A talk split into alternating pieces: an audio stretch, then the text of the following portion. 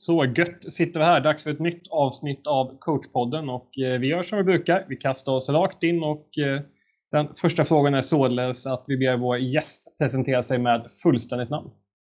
Eh, David Fredrik Gustav Gillek. Ålder? 37. Bor? Jag bor i Habo, men även i Mullsjö kan man säga. Eh, jag bor i Habo kommun men det ligger närmare Mullsjö så att Habo slash Mullsjö kan man säga. Så ett riktigt innebandymecka? Ja det får man väl säga. Jag kan ta båten över till Nyhemshallen så att eh, det är nära kan man säga. Den här unika situationen nu när vi har liksom tre SSL-lag på här sidan liksom på nästan samma kvadratmeter. Eh, hur liksom, eh, vad, vad, är din relation till den, eh, vi kallar det soppan? Eh, vad man säger, jag har ju, har ju spelat i Jönköping och eh, sen är med Mullsjö, min moderklubb, varit där många år. Så att, eh, Fagerhult har väl alltid varit den värsta rivalen på ungdomsnivå men sen Sen har det varit Jönköping på senare år till Mullsjö liksom, men det finns väl en rivalitet mellan alla tre, tre föreningar på något sätt. Men eh, sen har det alltid funnits, ja men det har varit stort innebandyintresse i området så att eh, det är väl ändå rätt fantastiskt att kunna ha tre, tre SSL-lag. Eh, faktiskt. Ja, det är man ju lite... Det är, är verkligen en unik och ensam situation. Mm. Eh, favoritlag? Eh, jag har alltid hållit på Manchester United i fotbollen och sen är det Frölunda som gäller i hockeyn. Eh, så det är väl de två lagen jag följt, följt i andra idrotter och sen eh, inom innebandy så är det ju den förening man är verksam i som man har, håller på liksom. Eh, och sen tränar ju min dotters lag i Mullsjö så det är klart att de håller jag nära hjärtat också. När du tittar på sport, kan du sitta i en eh, supporterroll och bara njuta av matchen? Och, eh, eller fastnar vi i någon analysfas att du sitter med tränarögat? Liksom? Ja, men, just fotboll, när jag kollar det, då, då slappnar jag av liksom och bara tittar. För jag, fotboll är väl det jag tittar allra, allra helst på. För alla andra idrotter tror jag. Eh, men där kan jag ändå slappna av och liksom vara supporter när United spelar och även Sverige. Men sen när man tittar på hockey så blir det ändå lite att man tänker lite mer med tränarögat eh, med tanke på att hockey är väl lite, lite likt innebandy på ett sätt också liksom och titta på vad, vad de gör så bra saker som man kan ta med sig själv då inom innebandyn. Så att eh, det har blivit mer och mer att man tittar och lyssnar på hockeytränare liksom hur de tänker och hur de jobbar. Då. Är några lag utöver liksom de du har som lite favoritlag som du följer liksom i extra syfte just för att du vill se vad de gör bra och försöka ta med till ditt egna ledarskap? Eller tränare som gör bra saker? Nej, men det har väl blivit naturligt då när jag håller på Frölunda. Liksom att, eh, förr så var det ju, ja, det här är ju långt tillbaka i början av 2000-talet, när de hade Conny Evensson som eh, blivit hyllad. Både från spelare och andra ledare så har man ju tittat och lyssnat mycket på honom. Liksom. Eh, så och sen eh, nu senare nu har ju varit Roger Rönnberg som ja, man är ändå nyfiken på Jag dels har lyckats vinna titlar och även kunna, kunna vara kvar i samma förening så många år. Liksom. Eh, det tycker jag är rätt, rätt häftigt och eh, så spelar väl Frölunda ändå ett spel som jag tycker är jävligt häftigt och gör saker som man kan ta med sig till innebandyn, helt klart.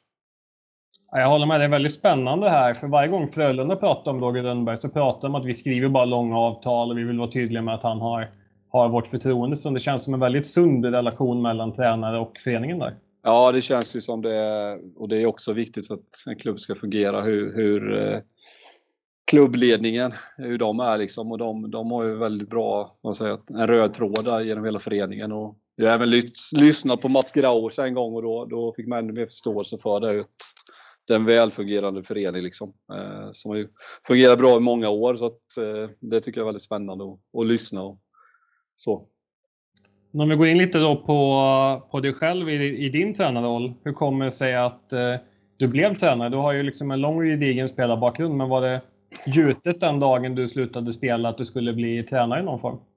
Eh, alltså jag, när jag redan var yngre och spelade så tränade jag lite så här ungdomslag så alltså, jag tyckte det var väldigt roligt. Men Sen när man själv började spela på elitnivå, eh, första, vad säger jag, första 10-12 åren så då hade man full fokus på sitt spel. Men eh, sen när man väl kom upp på åren och man började inse att man kanske bara har några år kvar av spelarkarriären så blev det att man intresserade sig mer för det här och bli tränare liksom. Och jag har väl alltid tänkt att jag ska bli tränare och vara kvar inom innebandy då, när man ändå, det är en idrott man håller väldigt högt och man älskar och skulle svårt att kunna se ett liv utan det så att då, då blir det naturligt att börja tänka på att bli tränare och eh, just att ja, men kunna påverka liksom. Eh, är det inte, som spelare kan du påverka väldigt mycket och sen näst efter spelare så är du ändå tränare liksom, där du kan påverka mycket vad som sker på planen och då, då, då har det ändå funnits med hela tiden att jag vill bli tränare och eh, bli tränare direkt när jag lägger av spela liksom och inte göra något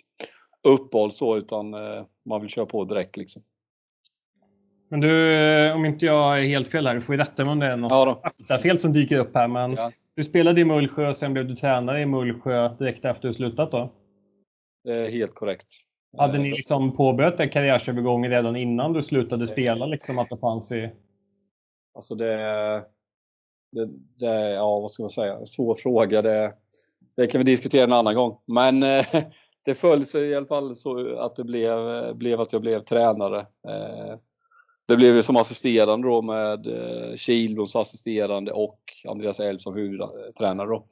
Eh, där Elf gärna ville ha med mig i staben liksom för att jobba med den offensiva delen då. Och då ja, men det var viktigt för mig att skulle jag vara tränare och assisterande då, då, då vill jag ändå ha ett område att jobba med. Liksom jag har alltid velat ta stor plats liksom och eh, tycka och tänka och jobba mycket. Så att det var väl det som blev avgörande att jag ändå tackade ja då, att jag fick, ja, men fick ta fullt ansvar för det offensiva spelet då. Så då, då kändes det kul att hoppa på det.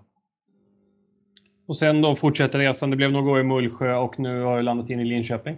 Ja, stämmer. Det blev ju ett, ett halvår till i Mullsjö och sen eh, blev, bröt, bröt vi det och så blev det Linköping förra säsongen då. Avslutade säsongen där, den blev ju tyvärr avslutades ju med att det inte blev något slutspel då eh, tyvärr. Men, eh, och sen fortsatte jag den här säsongen då, så inne på mitt, min andra säsong i Linköping. Ja. Har du någon eh, favoritmatch som sticker ut lite extra under... Det här kan ju vara under både spelare och eh, tränaråren. Att det är någon match du känner att den är lite extra nöjd med i efterhand eller så? Nej, alltså det är väl... Eh, framförallt kommer jag ihåg förluster, tyvärr. Nej, men eh, man har ju varit med om några tunga förluster som spelare. Dels så eh, var jag med när vi förlorade VM-finalen mot, mot Finland i Tjeckien 2008 i, i Sadden. Eh, det var tungt för att då, då var man ändå med och spelade VM-finalen liksom. Eh, så det var klart var tungt och sen även förlorade vi med AIK i femte avgörande semifinal mot Täby ett år. Också tung. Eh, sen roliga matcher, kom ihåg, är väl vissa så här slutspelssegrar med Mullsjö. Eh, när, vi, när vi tog oss till semifinal första året, eller första gången och det har ofta varit slutspelsserie på sju matcher när Mullsjö gått vidare liksom, så det har varit speciellt att vinna en sjunde avgörande. Eh, och sen för egen del så har det väl varit någon sån här match när man själv varit klivit fram och avgjort liksom. Eh, det är också saker man tar med sig, eller minnen man har med sig liksom. Men eh, tyvärr så är det ofta förlusten man, som man kommer ihåg mest då. Så här som tränare var väl speciellt första året när vi slog ut Växjö i kvartsfinalen. Var med, var med om det som ledare liksom, att få jobba, i, jobba under slutspel. Eh, man inser verkligen hur, hur mycket jobb man behöver lägga ner som tränare när, när det är match varannan dag. Liksom. Så att det, det var både givande och roligare. roligt att vara med om det. Och, eh, det var det. Om du skulle få dela en eh, kanna kaffe med någon person från innebandyvärlden, då får du tänka att tid, plats och språk inte är någon begränsning? Eh, ja, det finns ju ganska... En del skulle man ju hellre säkert dela en flaska rödvin med, men eh, om det blir kaffe då är det väl då är det nog Peter Fischerström skulle jag säga. Eh, för han är överlägsen den roligaste spelaren jag har spelat med. Eh, han har, vad säga, väldigt god humor och eh, fin människa helt enkelt så att det skulle få kul att träffa han nu efter flera år. Det var flera år sedan man träffade honom och spelade med honom så det har varit trevligt, det tror jag. Om, eh, nu är det så lite ny, ny favoritfråga som vi mm. kastar in här, men när man spelade NHL på sin, eh, sitt tv-spel eller spelkonsol så kunde man då göra en fantasy draft där alla lag töms på spelare och alla läggs i en stor jäkla pool och sen kan man välja vem man, man, man vill. Liksom. Det var ju klassiska mm. Man valde ju alltid Sidney Crosby när man körde NHL som första val. Liksom. Men om man skulle ha likadant i innebandy. Eh, Finns det någon spelartyp eller någon position du känner att där skulle du börja ett lagbygge? Och då tänker jag inte att vi behöver nämna några specifika spelare utan mer om du vill ha en spelskicklig center eller liksom att du vill ha en målvakt. Att, eh, vart börjar ditt bygge? Eh, nej, men jag skulle alltid börja med en eh, tvåvägscenter liksom, som är stark både i försvar och anfallsspelet. För att det, det är det man har älskat att spela med själv som högerforward. Liksom att en center som klarar båda delarna i spelet eh, och som har eh, en stark attityd liksom, som klarar av både kampa och eh, finlira. Så att eh, en riktigt bra tvåvägscenter har varit det första jag hade velat eh, ta in till mitt lag i så fall. Du sen skulle få göra ett andra val och ett tredje val också. Hur skulle du gå vidare efter den eh, Ja, det, det, hade nog varit eh, en bra back. Det är väl samma där, liksom en tvåvägsback som är både bra försvar och anfall. Eh, och sen sista är ju svårt eh, om man ska ha en bra målvakt eller en bra, bra forward. Eh, men eh, det är klart en bra målvakt är bra om man vill vinna, vinna titlar så att eh, jag har nog gått på en stark och bra må första målvakt. Och det är ganska intressant när man pratar om just det här.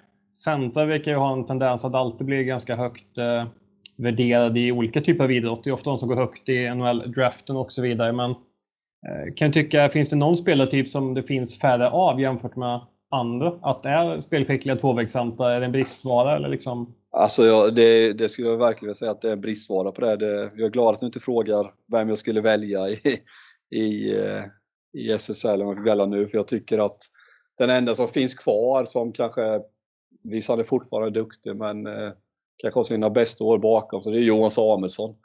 Eh, sen kommer inte jag på någon eh, eh så som är liksom enormt skicklig liksom. Eh, det skulle vara Ketil i sina bästa dagar som jag tycker är bra i de båda delarna liksom. Men eh, det är väl det framförallt yngre liksom. De, de bästa tvåvägscentrarna är ju de äldre spelarna som varit med flera år. Eh, Matej Jendrisak är också en sån tycker jag. Men det kommer inte fram några yngre direkt tvåvägscentra på det sättet. Eh, Aren kanske har potential. Han har väl spelat rätt mycket forward men eh, jag tycker det är en bristvara på det i svensk innebandy. Eh, och det tycker jag man ser på, på landslaget också, liksom att det saknas eh, riktigt bra centertyper. Om vi går, eh, kommer in lite mer på din, eh, dina egna tankar och funderingar kring, kring ditt ledarskap. Att Finns det några värdegrundsfrågor som du tycker att de här är extremt viktiga, att eh, det här funkar i alla lagen du är liksom tränare för? Alltså det är ju...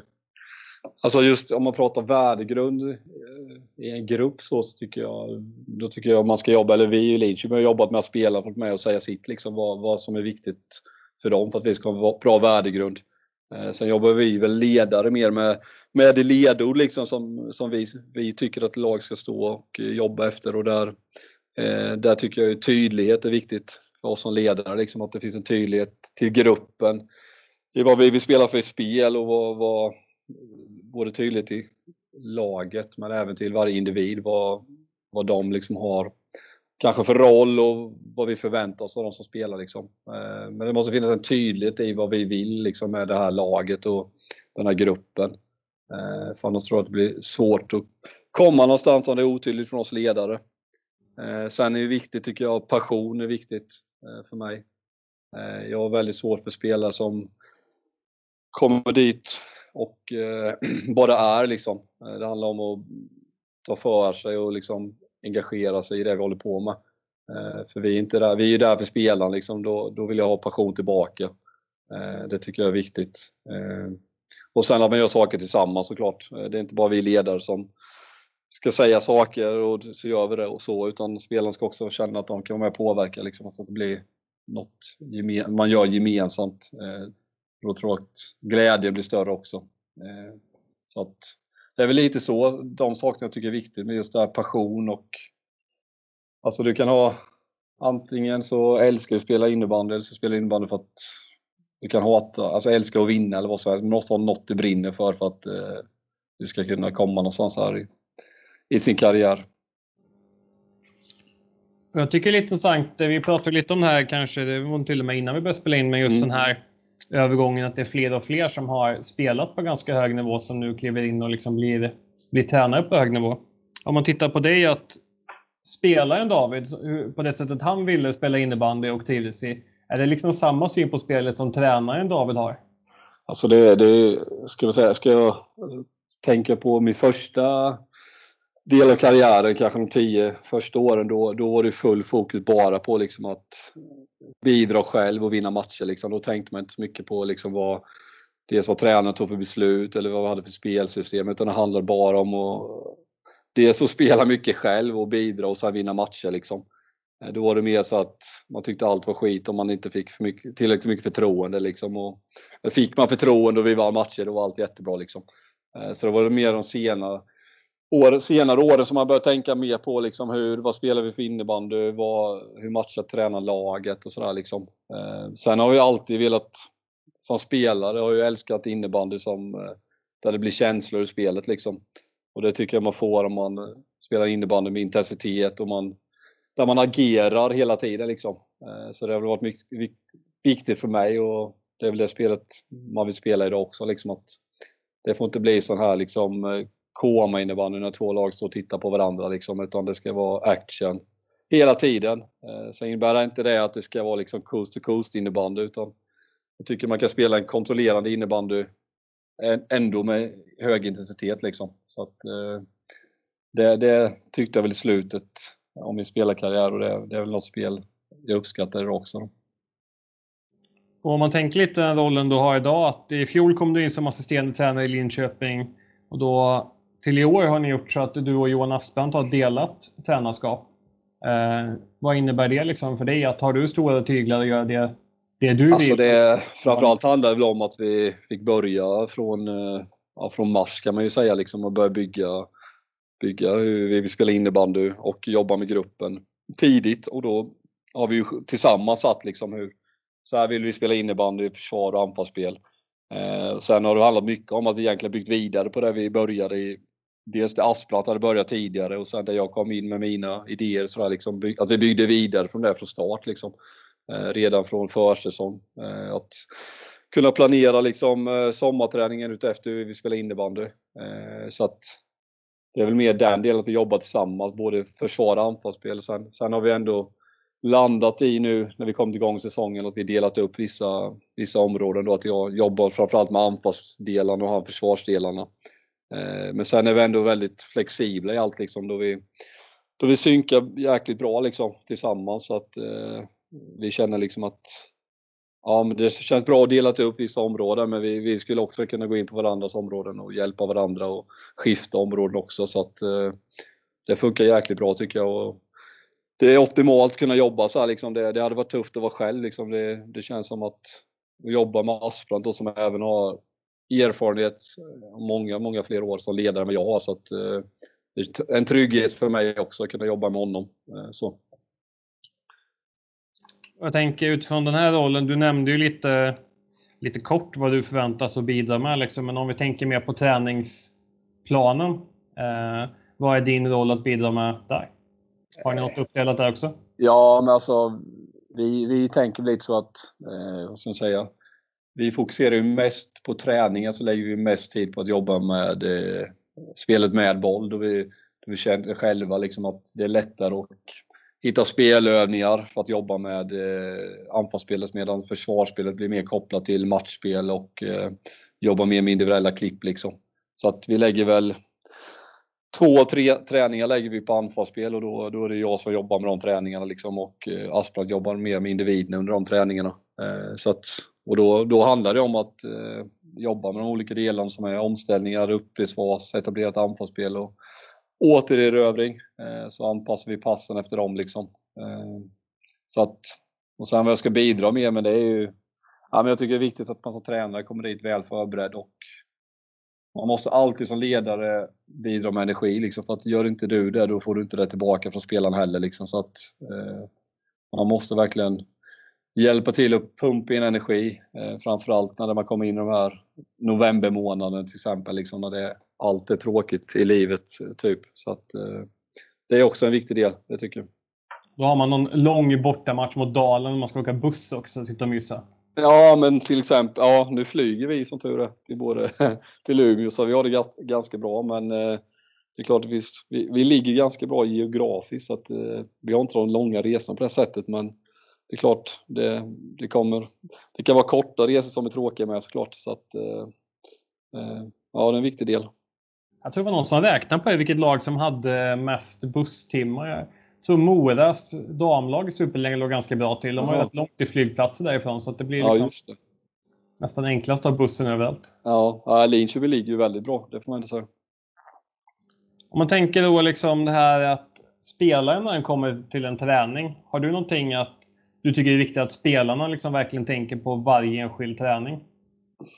Nej, men det, det handlar ju om det här att komma väl förberedd träning. Liksom. Det, eh, nu har ju de flesta jobb och sådär så jag förstår ju liksom ibland att man kommer trött, trött i träningen men på något sätt gäller det att kunna hitta sitt eh, 100% för den dagen. För det, det 100% kan se olika ut för träning till träning men att man just ändå kopplar på och gör sitt bästa av varje träning.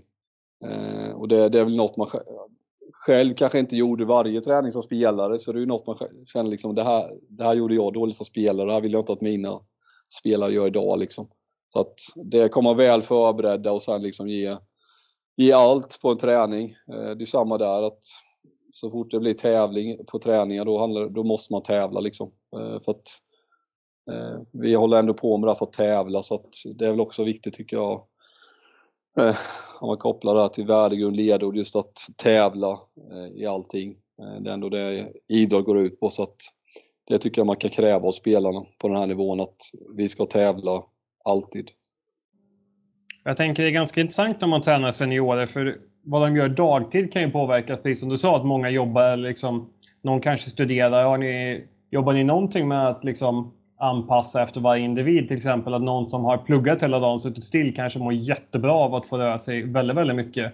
Och någon som kanske jobbar på ett bygge liksom och går och bär tunga saker. Kanske... Nej, det, det har vi inte direkt så. Det har vi inte. Eh, sen tror jag det kan... Eh, det är lite olika där som säger. Det ibland, många säger att det är en fördel av att eh, plugga och ta, ha det ganska lugnt liksom. Och jämfört då med hantverkare. Men jag, jag tror tror inte alltid det är positivt heller utan hantverkare är ändå igång hela dagen så kommer de till träningen och bara kör liksom medan de här som pluggar kanske kommer från eh, en lugn dag till att ska koppla på och träna liksom. Så att det är nog både för och nackdelen båda men nej, vi anpassar inte riktigt träning så i alla fall efter, efter eh, vad de jobbar med. Eh, det vi försöker göra är väl att lägga träningarna tätt inpå de slutar sin arbetsdag för att de inte ska så nästan kan gå direkt till träning liksom och bara köra träningen och sen sen hem och vila efter. Då. Eh, det är väl det vi försöker anpassa framförallt. Har du någon sån här särskild grej du tycker att det är viktigt för dig som tränare att tänka på matcher eller matchdagar för att ditt lag ska komma väl förberedda? Ja, men det är ju framförallt att vara förberedd själv. Eh, sen handlar det ju om som tränare, det, det, det kan påverka mest tycker jag ändå är ju fortsatt det du gör i veckan fram till match liksom. Eh, att spelarna kommer till matchen väl förberedda på dels hur vi själva ska spela, men dels på liksom vad motståndet kan göra. Eh, vad motståndet kan göra, ja, om vi gör detta, vad gör de då liksom? Att vi är beredda på det. Så det är väl mer att komma väl förberedd och också där komma med energi Eh, och sen ha full fokus under matchen och ja, men vara förberedd på att det kan hända saker som, som spelaren kanske inte är beredda på liksom, och då, då gäller det att agera. Liksom. Eh, så att sen, sen är det ju match till match. Vissa matcher behöver man vara aktiv, vissa matcher kan man mer eh, stå bakom och eh, låta spelarna ta mer ansvar själva. Liksom. Så att, eh, det är lite olika match i match hur man, hur man behöver agera som ledare, ledare tycker jag. Har du någon så här favoritposition på bänken? Att du alltid vill stå längst upp ovanför forwards eller mitt i smeten eller? Alltså jag är väl ganska, jag försöker vara ganska aktiv. Förra året så hade jag och Asplund samma position och det blev för trångt så att eh, jag har fått flytta upp idag och stå längst upp. Men sen eh, Sen gillar jag att gå framför spelarna, bakom spelarna liksom och vara, ja, men röra på sig i båset ganska fritt så. Eh, det tycker jag liksom. Och det, det är skönt. Jag, jag gillar inte bara att stå stilla liksom utan jag vill vara rätt aktiv i båset och röra på mig så. Hur är båset i sporthallen ni har? Är det, ganska... ja, det är ganska trångt kan man säga. Där kan man ju inte gå bakom utan det är ju antingen gå framför eller klättra på läktaren bakom. Och det, tanke på hur det ser ut nu med publik så då kan man, kan man stå på läktaren till och med ibland och coacha liksom. Så att eh, just nu funkar det bra men det blir lite trängre när det, när det är publik då. Om du får välja ut bästa avbytarbåset i Superligan, har du någon favorit? Eh, men jag gillar ju ändå när det är tajt. Så att jag gillar inte när det är för mycket utrymme framför och bakom. Det ska vara, det ska vara tight liksom. Så att jag säger ändå Lidköping Sporthall, den är, den är bra. Ja, men det är ganska intressant, för precis som du säger, att vissa hallar kan ju vara gigantiska utrymmen. Ja, det blir ingen bra känsla tycker inte jag. Utan jag vill hellre att det, det är för trångt liksom. Det, Är risk att spelarna knappt pratar med varandra heller. Liksom här, här blir de nästan tvingade att ha dialog med varandra så att eh, det är bra. Finns det några delar i tränarrollen som du brinner lite extra mycket för? Att du känner liksom att det här är dina favoritsaker att jobba med? Och så kanske det finns något som är så här, ja, vi är illa tvungna liksom att jobba med det här. Alltså grejen är ju den att jag är ju så pass färsk som tränare så att jag, jag brinner ju för alla delar egentligen. Det handlar mer om egentligen Eh, alltså känna lugnet att vissa delar kommer ju längre, fler år man håller på som tränare liksom. Men klart, jag, jag är nyfiken på allt, jag vill jobba med allt liksom. Men nu är vi två som delar på det, då, då har vi ändå delat upp det liksom och då passar det bra för tillfället. Men det är klart, jag är ju nyfiken och sugen på allt så att jag tycker väl egentligen alla delar är roligt idag liksom. Eh, sen om 20 år då, då kommer jag nog, om jag tränar då kommer jag nog säga något helt annat. Så att eh, Nej, jag, jag, jag tycker allt är roligt idag får jag ändå säga. När ni sitter och kollar igenom en eh, match, man kanske kollar en på, på video i efterhand eller sånt där. Reflekterar du någonting över det, liksom, de beslut som ni tränare tar? Att, till exempel att det här tillfället bestämde vi skulle pressa högt och liksom, hur det föll ut eller liksom, utvidga de delarna någonting? Jo, det gör man ju. Alltså, jag var sån som spelare och även som, eh, som tränare. Liksom. Man går alltid till sig själv först. Liksom. Eh, det, man går alltid och frå, ställer frågor till sig själv. Vad, vad kunde jag gjort annorlunda? Hade vi tränat på rätt grejer i veckan? Eh, coachade spelarna rätt, sa rätt saker till spelarna? Liksom, vad kunde vi gjort annorlunda? Alltså det, det kommer hela tiden liksom. Eh, sen, det är ju allt man tänker på liksom innan, sen tittar man ju alltid på matchen efter och då får man ju ofta svar på vissa frågor om man gjort rätt eller fel. Liksom. Eh, men jag tycker att även om det är spelarna som är planen så är det ändå vi som vi ska finnas där för dem. Och, har vi gjort dåligt arbete innan och under match så är det klart att det påverkar spelarens prestation. Så att, eh, jag tycker att det, det, är jävligt viktigt att vara självkritisk. Eh, och det, det, tyvärr är det något jag tycker saknas eh, hos spelare idag, att vara självkritisk. Men eh, jag tycker det, det, är viktigt oavsett tränare eller spelare att du måste alltid gå till själv liksom, innan du klagar som tränare på dina spelare eller som spelare klagar på dina medspelare att det var någon annans fel. För att, eh, jag tycker att det är något som förekommer alldeles för ofta då att det är alltid någon annans fel liksom, istället för att gå till dig själv och se vad du kunde gjort, gjort bättre. Så att eh, det gör man absolut som ledare också att eh, tänka på det liksom. Så är det.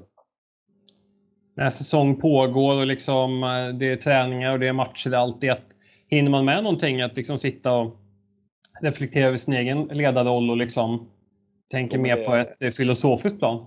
Jo, men det gör man ju. Alltså sen, eh, Sen pratar man ju med andra ledare. Jag och Asplund pratar ju ofta mycket om ledarskap liksom och sådär. Eh, och vi kan vara ganska öppna mot varandra och det tycker jag också är skönt liksom.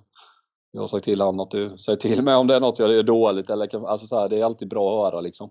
Eh, sen har jag andra jag pratar med också liksom och diskuterar just det här ledarskap för att det, jag känner mig ganska trygg med just eh, innebandy, hur jag, hur jag vill att innebandy ska spelas och eh, jag tycker att jag är ganska ja, men där, där känner jag mig trygg. Liksom. Sen, sen tycker jag att just ledarskapsdelen, där finns jättemycket att utveckla. Eh, framförallt här hur man med få ord eller meningar kan få fram mycket grejer. Eh, själv kanske man babblar på liksom hur mycket som helst och så får man inte fram det man vill ändå medan mer erfarna ledare kan på två meningar få fram hur mycket som helst. Eh, så att, och det, det, är ju, det kommer väl med erfarenhet men även på att eh, lyssna på andra ledare liksom och sådär, dra lärdom av andra liksom. Så att eh, det, det tänker man ofta på. Det, jag tycker att det är spännande och intressant liksom att lyssna på andra ledare med, liksom hur de jobbar med sitt ledarskap och sådär. Så att eh, det gäller nog att vara ödmjuk inför det, tror jag. Det är viktigt. Jag tänker det, det är väldigt intressant också när man tittar på olika typer av lag, att Du spelade ju i Superligan här i många år, sen har du varit tränare i Superligan här. Jag tänker det är kanske en nivå det är ganska lätt, lätt att gå till, liksom du kände till sen tidigare. Men jag tycker det är jätteintressant när du pratar om att du tränar dotterns lag. Eh, mm. Att, hur stor skiljer sig det ledarskapet från det du gör i Superligan här? Ja, men det blir ju, det blir ju annorlunda. Men sen kan ju mitt tålamod testas ju nästan lika mycket där som med SSL-laget liksom. Men jag tycker, jag tycker det är liksom, jag tror det är, det är gynnsamt för mitt ledarskap att eh, träna, dels träna både tjejer och killar men även då träna barn liksom. Eh, för det är en helt annan grej men eh, jäkligt roligt liksom och där får man mycket energi och, och sådär liksom. Och få träna på andra bitar i sitt ledarskap som du kanske inte gör eh, på högsta nivå då så att jag tycker jäkligt, jäkligt kul liksom och givande och det ger mig till båda delarna. Liksom. Det vissa saker jag får med mig från de här tjejerna tar med mig till herrlaget och, och vice versa. Då. Så att, det, det, det är häftigt tycker jag. Och vi har även sett det i lite juniorsammanhang med Västergötlands distriktslag uppe på STF-SM. Så det är ju verkligen så här senior på yttersta eliten, juniorlag mm. och sen ungdomslag. Ja, så är det Men där, där har jag nog gjort mitt efter det fiaskot, så det, det vill jag nog glömma. Men, eh, nej, men det, där kan jag ju säga att det, det var ju det, det, var, det var svårt tycker jag att träna. Alltså, de här var ju 16 år liksom att eh, jag tror att jag, jag trodde 16 år var mer redo kanske för att ta till sig kanske taktiska direktiv, eh, spelsätt, kravbild till exempel. Eh, och där, där kanske jag gick på för hårt liksom för att de var nog inte riktigt redo för liksom. Jag trodde 16 år skulle vara mer redo för att eh, kunna sätta en kravbild på dem liksom men det, det föll inte väl ut så där, där har jag nog tjänat på att vara mer så här som jag tränar liksom min eh, dotters lag liksom att jobba mer på det sättet. Eh, så att det, det är väl också något man lär sig av det liksom. Jag trodde att det skulle vara enklare och, och kunna ställa högre krav och jobba mer på ett elit, eh, säger, elitsätt med 16-åringar. Men det, det, det gick inte. Sen kanske det går med andra 16-åringar såklart, men eh, det, det, jag gjorde nog fel där, tyvärr. Ja, men det är ett väldigt intressant ledaruppdrag, för det är ju liksom generalisera lite hur processen ser ut, mm. men oftast tar det väldigt lite tid med laget och framförallt då kanske sluttruppen. Så det är mm. väldigt svårt också att behöva prioritera. Du kanske bara har fem träningar totalt med mm. det laget. Ja men så är det. Och där, jag tror att man ska nog nästan mer jobba med gruppen där liksom att få upp en skön grupp och sen kanske inte vara så hård med hur, hur, hur sättet vi ska spela innebandy på liksom utan mer få ihop gruppen på ett bra sätt liksom.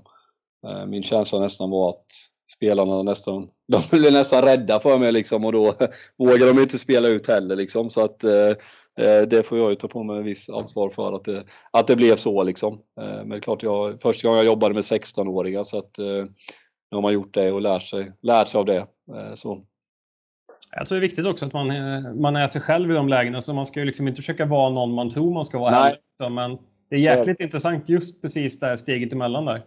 Ja, verkligen. Det, jag vet inte, jag, jag tänkte nog själv hur jag själv var som 16-åring, att det hade funkat på mig liksom som spelare, men jag är från en annan generation också liksom, så det är klart det, det har väl med saken att göra också. Så att, eh, men det är klart, jag kommer alltid vara den jag är och stå för det jag tycker. Liksom. Där kommer jag aldrig ändra mig på det sättet. Men eh, här blir, där blir det fel tyvärr. Men det, det är bara glömma och gå vidare. Jag tänker eh, ha en liten snabb antingen eller-fråga. Så får vi se vilket beslut du tar här. Så du får bara svara det ena eller det andra. Inte någon kombo här utan Nej. Om du får välja, vad vinner matcher? Anfall eller försvar? Eh, då säger jag försvar. Eh, för jag tycker att eh, ja, men dels så är det med försvar du kan eh, förändra matchbilder eh, lättare.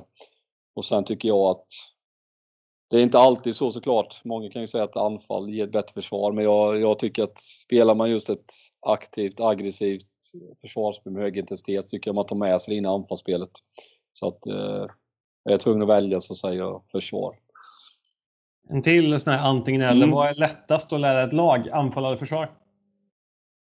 Ja, men det är alltid lättare att vara destruktiv, skulle jag säga. Så att jag säger försvar. Ändå skönt att någon som, någon som är poängstark i spelarkarriär ja, har två det, har man, man lärt sig. Det är ju alltid lättare att liksom förstöra än att vara kreativ. Eh, tycker man det är därför vi jobbar mer med anfallsspel, för att det, det, är svårare att få till än ett jättebra försvarsspel. Så att, eh, får ändå säga försvar där med. Om då vi kommer in på det här med, liksom, du har ju pratat mycket om att träna på anfallsspel, men hur mycket av en träningsvecka lägger ni på ert eget spel kontra att hur ska ni hantera motståndarens spel?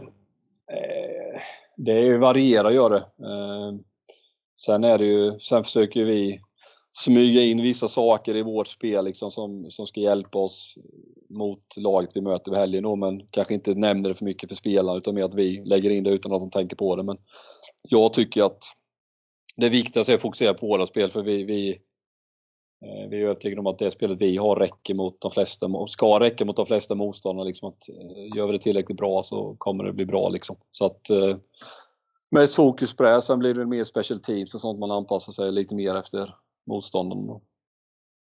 Finns det någon match här under försäsongen eller säsongen som du känner liksom att du personligen är extra nöjd med? För som ni spelade den matchen, då var det liksom extra bra av allting.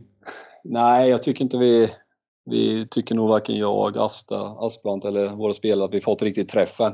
Utan det kan ha varit vissa alltså, vad säger, perioder under perioder i vissa matcher. Eh, till exempel mot Kalmarsund i en träningsmatch tyckte jag vi visade en jävla stark attityd och karaktär liksom. Och, eh, kampmoral som gjorde att vi Ja, vi kryssade den matchen trots att vi hade, fick flera skador under matchen. Liksom. Det tyckte jag var starkt. Eh, sen, eh, sen tycker jag inte vi fått riktigt den träffen, så vi, vi går och väntar på den egentligen, få träffen liksom. Eh, och det hoppas jag kommer här snart. Finns det någon eh, match du ser lite extra mycket fram emot? Eh, nej, alltså det jag ser fram emot är ju att få spela slutspel. Eh, som jag sa innan, det var ju det gick ju sjukt starkt förra våren liksom och så fram emot att kampa mot storheter där i kvartsfinalen. Eh, så att jag ser nog framförallt fram emot en första kvartsfinalmatch i ett slutspel till våren. Det skulle vara jäkligt kul. Tänker du kanske ha lite känslig till andra lag som du har spelat och tränat i liksom och så att det blir lite derbymentalitet? Men finns det något så här typisk antagonist i Linköping innebandy? Nej, ska man säga. Nu har jag varit där för kort tid tror jag. Men eh, alltså jag är ju sån som gillar inga andra lag när man möter dem. så. Men eh, det var ju Mullsjö ett tag, men då var ju Mullsjö, då var det ju lite kamp mellan Mullsjö och Linköping. Men eh, eh sen är, finns det en viss eh, storhet. Det är inget favoritlag i Linköping. Det har jag ju ändå märkt av liksom. Så att, eh, får väl ändå säga storheten då. Ja, det är spännande. Det ska bli ruskigt kul att följa den här serien. Tror du mm. att det finns någon effekt att alla lag är extra taggade i år eftersom det blir längre försäsong och inget slutspel? Eller är det snarare tvärtom att de är trögstartade? Eh, det är nog en blandning. Dels så är det ju så här, man spelar inte matcher för det var ju mars man spelade matcher senast. Jag, jag tycker det märks på spelet att eh, ja, men det, det, är så otroligt många mål som kommer till på egna misstag, bollstrul och bolltapp liksom. Eh, där har mycket mål så att jag tror det kommer att ta, ta lite tid innan alla, alla lag eh, spelar det spel de vill göra. Liksom. Eh, men sen tror jag alla är sugna i och med att ingen vann SM-guld. Som jag ser förra säsongen så eh, klart alla, alla är taggade inför den här säsongen och får spela ett slutspel. Det tror jag. Nu, nu, blev det ju liksom inget slutspel i år, men hur mycket tror du, eller tycker du, att spelet skiljer sig från att grundserien till slutspel och vad är i så fall stora skillnaden? Nej, det är enormt mycket ska jag säga. Eh, ja, men dels, det är ju bara att titta adrenalinpåslaget hos spelare. Det höjs ju med några procent.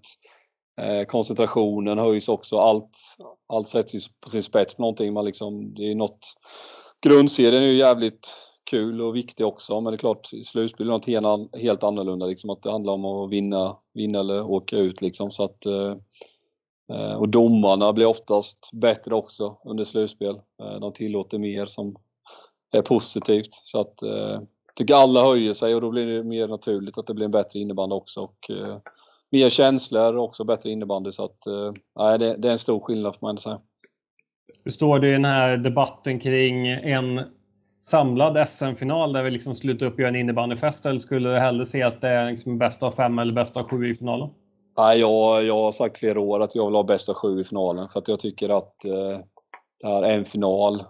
Alltså det har spelat ut sin... Alltså, jag tycker hälften av de som är där på de matcherna, de, de liksom går runt. De är inte där för att titta på lagen utan de är mer där för att det är en eh, rolig grej liksom. Eh, jag tycker att det vore sjukt häftigt att se en eh, bästa sju finalserie liksom. Där man får spela på sin hemmaplan inför fullsatta läktare, sen åker man och spelar borta liksom jag tycker att det är dags för innebandyn att, eh, att testa det. Jag, jag tror att det skulle locka mycket tv-tittare också liksom, och skapa ett ännu mer intresse än vad den här en matchfinalen gör. Liksom. Så att, eh, jag, jag är absolut för att spela en bästa sju, sju matchserie för jag tycker att då vinner också, då blir det rättvist det lag som vinner. Liksom. En match kan, kan man alltid skrälla och vinna liksom. Så att, eh, nej, jag är för bästa sju i en final. Det hade varit häftigt. Så gå vidare här till eh, de fem snabba frågorna. Du får då mm. fem snabba frågor och eh, du ska svara spontant eller impulsivt. Känner du dig beredd? Jag är redo. Det var inte en fråga utan det var... Så först ut då, att vara spelare eller att vara tränare? Spelare. Träning eller match? Match. Anfall eller försvar? Anfall. Powerplay eller boxplay? Powerplay. Vinna med 10-9 eller 2-1? 2-1. Du tar 2-1 alltså. Det är många ja. defensiva beslut på dig. Ja, men jag hatar matchslut 10-9. Det är liksom... Det är inte kul. Det, är, det förstör idrotten. Jag, jag, jag, klar, jag klarar inte av sådana resultat. Det, det, nej, jag är med 2-1. Det är alla idrotter i sig. Ja, men det är intressant. Du tog ju åtminstone anfall i, när det var anfall eller försvar. Ja, jag tog anfall men gillar 2-1. Så emot mig själv. Ja, nej, men det, det är fint. Men den här, eh, om vi tar en bonusfråga då. Liksom, att mm. Tänk ett scenario, det står 4-4 och du har chansen att kliva in och avgöra när det är en minut kvar för det är din kedja som ska komma in och du känner att det är din dag. Liksom, att du, ja, du har en bra känsla att du kanske kommer hänga den där. Mm. Eller att ni leder med 4-0 och liksom, det är ganska safe och en eh, platt match. Eh, ja, men då, då tar jag nog 4-4 och avgör i slutet. Det, det är en skönare känsla att vinna så, så är det Jag tänker det är, det är jätteintressant det här vi har pratat om flera gånger nu, liksom att spelare som har spelat på en hög nivå går och blir tränare. Kan man känna en frustration över liksom att, nej shit, liksom, jag skulle vilja in och, in och lira den här matchen? Ja, det, det får man lov att säga. Framförallt eh, när man upplever liksom att det finns ingen eh, intensitet eller känsla i matcherna. Som jag tycker det är alldeles för många matcher idag i svensk innebandy där, där det inte finns känslor liksom. För då kommer man ofta tillbaka till hur det var själv när man spelade. Då, då fanns det mer känslor liksom. Att det var många spelare i båda lag som skapade känslor. Idag tycker jag man kan titta på en match och det är liksom inga spelare i något av lagen som gör att det skapas känslor liksom. Eh, så att ibland känner man ju bara att man vill in och röja runt för att det ska hända något i matchen. Eh, absolut, det, det gör man verkligen. Det här med skapa känslor, vad, vad konkret kan det vara liksom? Nej men det kan ju vara, det räcker att det har, har du fyra spelare i varje lag som eh, hatar varandra liksom. Då kommer de garanterat vara på varandra under matchen och då, då får du med dina medspelare, du får med publik, domarna behöver vakna till, det händer grejer liksom. Eh, sen behöver det inte vara gruff och sånt hela tiden men det, det behöver vara spelare som eh, berör liksom. Det tycker jag att det, det är för få som gör det idag liksom. Eh, jag tycker att med känslor i matcherna så blir det ofta bättre innebandy liksom. Eh, för att det är klart, det får inte bli matcher där det bara det bara liras liksom utan känslor. Det, det, sådana matcher då, det är inget jag vill titta på liksom utan idrott är känslor för mig så att eh, det behövs. Det är ju ganska intressant det här med att du pratar om lirandet för innebandyn har ju någonstans varit lite, vi kallar det, mm. parentestecken, lirarnas sport. Eh, jag vet inte om du delar den här bilden? Jo, nej, jag, jag blir ju galen ibland när jag ser vissa, vissa åsikter om att de tycker innebandy blir för tuff med för tuffa tacklingar. Liksom. För mig är det vi är på väg åt fel håll, liksom, att det blir för mycket icke-tacklingar. Eh, för mig så det måste vara, alltså, jag är inte för det fula spelet med bentacklingar, eh, crosschecka ryggen på det sättet, men att vi behöver ha ett fysiskt spel. Dels för att locka tittare, men för att det ska vara roligt att spela. Liksom. Eh, jag är helt emot det här, liksom, att vi ska bara springa runt och lira och göra tekniska grejer. Liksom. Utan de som tycker det, där, ja, då, då har de en dålig känsla för spelet skulle jag säga. För att det, och vi håller verkligen inte på att bli en farlig sport utan tvärtom. Vi håller på att bli en sport som ja, vi dödar oss själva skulle jag säga. Faktiskt, tyvärr. Och är, är det någonting vi skulle behöva förändra på sättet vi jobbar på, var bara SSL här eller liksom är det även på ungdomsnivå man skulle behöva Ja, ja det tycker jag. Jag tycker liksom när jag, när jag tittar ungdomsmatcher så skulle helt konkret, skulle inte behöva vara domare på matcher. För att det är så få dueller. Eh, det blir liksom för mycket avblåsning från ungdomarna så de får inte lära sig spela, spela alltså duellspel eller närkamper utan det blir för mycket liksom Lattjo eh, på något sätt. Så att, eh, jag tycker också att man behöver liksom börja tidigt med att få eh, innebandyspelare innebandyspelare börja prata duellspel. Liksom att är försvarsspel, söka upp närkamper, eh, jobba aggressivt och även anfallsspel liksom. Eh, att man söker upp närkamper. För jag tycker det, det är för mycket idag. Alla spelare som kommer upp idag är ju du, du ser ju inte att det kommer upp liksom brunkiga backar eller fysiska forwards på det sättet. Utan alla idag som kommer upp, jättefin teknik, eh, bra skott och sådär. Men det, det, det får liksom fysiskt starka spelare tycker jag. Det, alla är lika, likadant formade på något sätt som kommer upp idag och det, det tror jag är en svaghet för, för svensk innebandy och även så här landslagsinnebandy på sikt också. Så att, eh, det är absolut något jag tycker vi kan bli bättre på i svensk innebandy. Ja, och det är bra att de får lufta det. Jag delar lite den bilden just det här med att dueller är liksom något vi pratar om på matcher. Vi ska smälla på, vi måste gå in hårdare och det här. Men det är väldigt sällan vi lyckas omsätta det till någon form av träning och övningar. Nej, så är det ju. Det, och det, det, det, tycker jag man behöver jobba med redan på ungdomsnivå. Liksom, för att det, det märker man när yngre spelare kommer upp att det de saknar är ju det duellspelet. Liksom. Sen är det en del som klarar sig bra, men många är ju Ja, men du, du behöver inte vara stor och stark, men du, behöver vara, du kan inte vara rädd. Liksom. Du måste våga gå in i duellspel även om du möter större spelare. Liksom. Och då är det klart att du behöver träna på det redan i, redan i ung ålder. Eh, för det, det, tror inte vi gör på det sättet idag. Liksom, utan idag handlar det bara om att lira liksom, innebandy istället för att kampa innebandy på det sättet. Så att, eh, eh, det, det, är väl det, det jag förespråkar i alla fall, att vi behöver se över. Liksom. Eh, vi gör så på lite, på lite uppstuds här om det är någon som eh, lyssnar och känner att ni behöver hitta någon bra övningsform för om ni vill träna på just duellspel så får ni höra av er till coachpodden på någon av våra sociala medier eller hemsidor så kan ni få lite övningstips. Vi var faktiskt inne och gjorde lite övningar på det.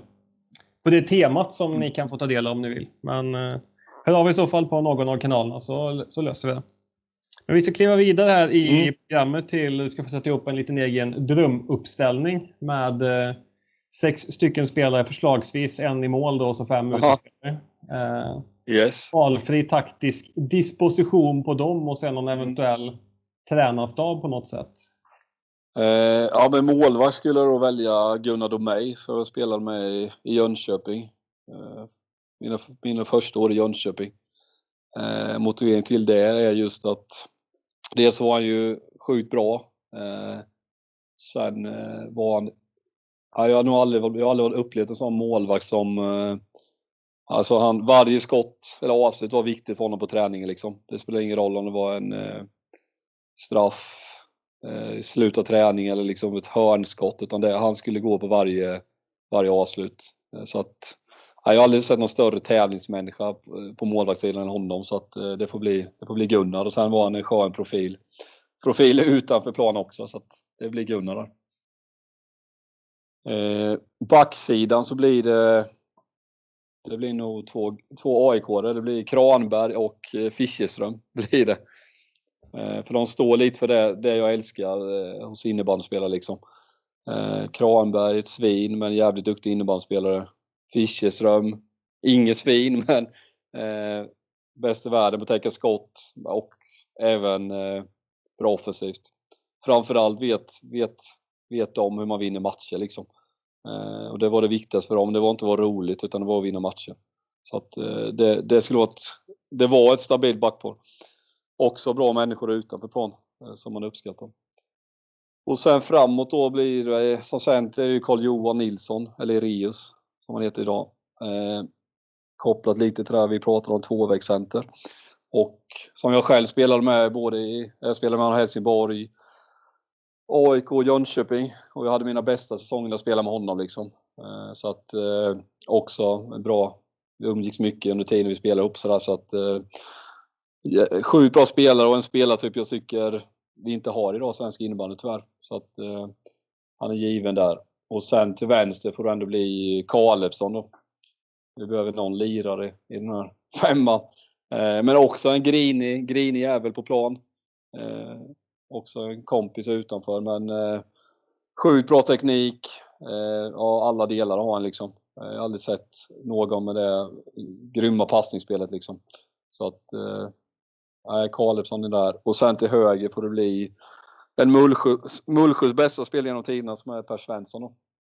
Som var både med i landslaget och AIK. Som var lite av min min förebild och idol när jag, när jag växte upp i Mullsjö och började spela innebandy. Liksom, det var det han jag tittade på. Först i Mullsjös juniorlag och sen när han gick till Jönköping först och sen AIK. Liksom. Eh, då, han har alltid varit favorit och han är också... Ja, men han var ju komplett. Alltså det var stark duellspelare, poänggörare, grinig, grisig. Så att, eh, nej, det får bli han. Och sen tränare då, ja, då skulle jag nog välja Ulf Halstinsson som ändå enligt mig är den bästa tränaren Sverige, i Sverige som finns. Eh, sen kanske det är lite kopplat till att jag känner honom väldigt bra och ja, men liksom haft honom som bollplagg och mentor eh, genom dels de här korta åren som tränare men även när jag var spelare liksom. Så att eh, det får bli han som får ta hand om den här femman. Jag tror han klarar av det. Ja, det är, det är en otroligt stark formation. Den vill man inte möta i ett sarghörn. Nej, jag, jag är helt övertygad om att om en månads träning så hade de eh, varit bästa femman i den här ligan. Det är jag övertygad om. Nej, men otroligt kul och eh, otroligt kul med så många härliga svar och eh, resonemang. Eh, och vi säger som vi alltid gör, ett eh, stort tack för att du medverkat i podden och eh, stort tack för att du tagit dig tid och lycka till med resterande del av säsongen. Tack så mycket. Kul att vara med.